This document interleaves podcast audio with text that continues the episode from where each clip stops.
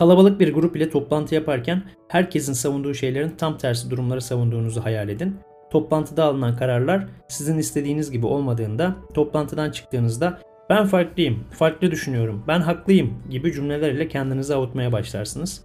Kişisel gelişim dendiğinde de insanlara en çok söylenen şeylerden bir tanesi bu tür durumlarda genelde budur. Sen farklısın ya da kendimizi farklı hissedebilmek, yeteneklerimizin o ortamdaki diğer insanlardan farklı olduğunu anlatabilmek için Einstein'a ait bir sözü hatırlarız hep.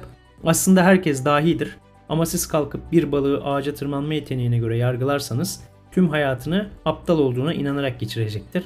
Peki gerçekten sen farklı mısın yoksa bu seni gazlamak, motive etmek, iyi hissettirmek için söylenen bir klişe mi?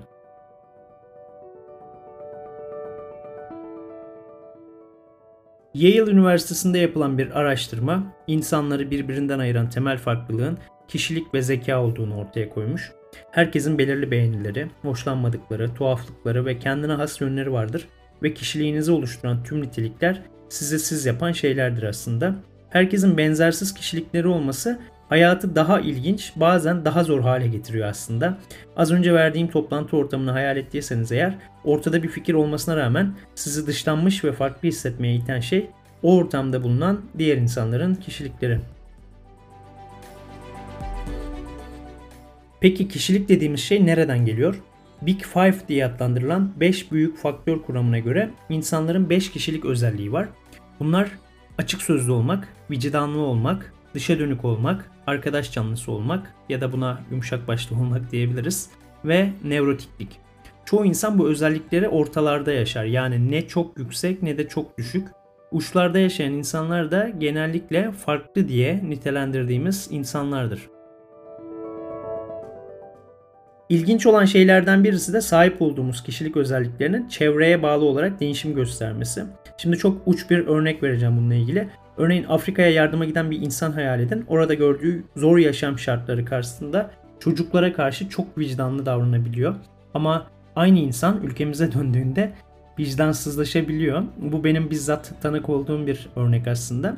Bazı insanlar yakın çevreleriyle vakit geçirirken oldukça arkadaş canlısı oluyor ya da uyumlu oluyor. Fakat yeni bir ortama girdiğinde bu özelliği en düşük noktada yaşıyor ve iletişim dahi kurmuyor. Tercihlere ve çevreye göre bu kişilik özelliklerimiz sürekli değişim halinde gibi düşünebiliriz. Buraya kadar her şey normal sanırım. Baktığınızda aslında bir şekilde kişilik özelliklerimiz sebebiyle farklıyım diyebiliyoruz ya da bu farklılığın nereden geldiği ile alakalı bir fikrimiz var. Fakat bir o kadar da aynıyız. Hepimizin ortak bir noktası var. Hayatta kalmak. Bizi aynı yapan şey de bu. Şimdi hayal edin. Evde oturuyorsunuz. Elinizde kahveniz ya da favori içeceğiniz ve en sevdiğiniz filmi izliyorsunuz. İnanılmaz huzurlu bir ortamdasınız. Bu güzel ortamın huzurunu bozan bir ses duyuyorsunuz dışarıdan ve ne olduğunu merak edip kapıya yöneliyorsunuz. Kapıyı tam açtığınızda maskeli birisi bir anda eve giriyor ve kafanıza silah dayıyor.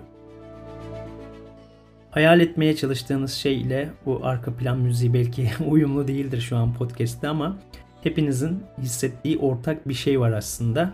Bu da korku. Yani bu hikayeyi duyup kendisini bu senaryonun bir parçası gibi hisseden herkes bir şekilde böyle bir durum karşısında korku, endişe gibi hislere giriyor. Bunları yaşamaya başlıyor. Aklınızdan onlarca farklı senaryo geçtiğine de eminim tabii ki de bu noktada ama hepinizin ortak olan duygusu korku ve asıl amacı da hayatta kalmak. Şimdi farklı bir boyuta taşıyalım olayı. İnsanlar ile hayvanlar sizce aynı mıdır? Muhtemelen şu an hepiniz hayır diyorsunuz. Çünkü bu sorduğum soruya cevap verirken düşünmeye çalışıyorsunuz. Bir şeyler geçiyor kafanızdan ve insanlar ile hayvanları birbirinden ayıran temel şey de haliyle düşünebilmek oluyor. Yapılan araştırmalarda karıncalardan maymunlara kadar tüm hayvanların da az önce bahsettiğim 5 büyük faktör kuramında yer alan kişiliklere sahip olduğu bulunmuş ve buradan da kişiliğin evrenselliği aslında evrimsel bir kökene işaret ediyor. Yani bizi farklılaştıran özelliklerimiz hayvanlarda da olduğu için aslında farklı olmuyoruz. Tam tersine aynı oluyoruz. Onlarla benzer şeylere sahip oluyoruz ve biz birbirimize sen farklısın derken aslında hayvanlar ile birlikte aynı şeyleri yaşıyoruz.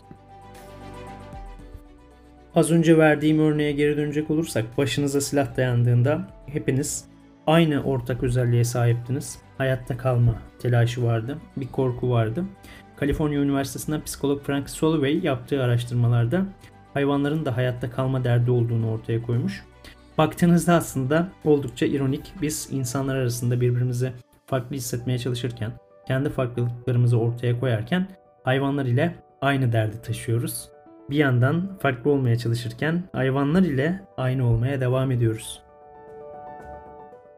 Bu kısım biraz ağır gelmiş olabilir hepimize aslında. Yani biz kendimizi düşünürken yaşadığımız doğadaki diğer canlıları yok sayıyoruz. Ama hepimiz farklılıklarımız olmasına rağmen aynıyız. Tüm canlılar bir şekilde birbiriyle bağ kuruyor.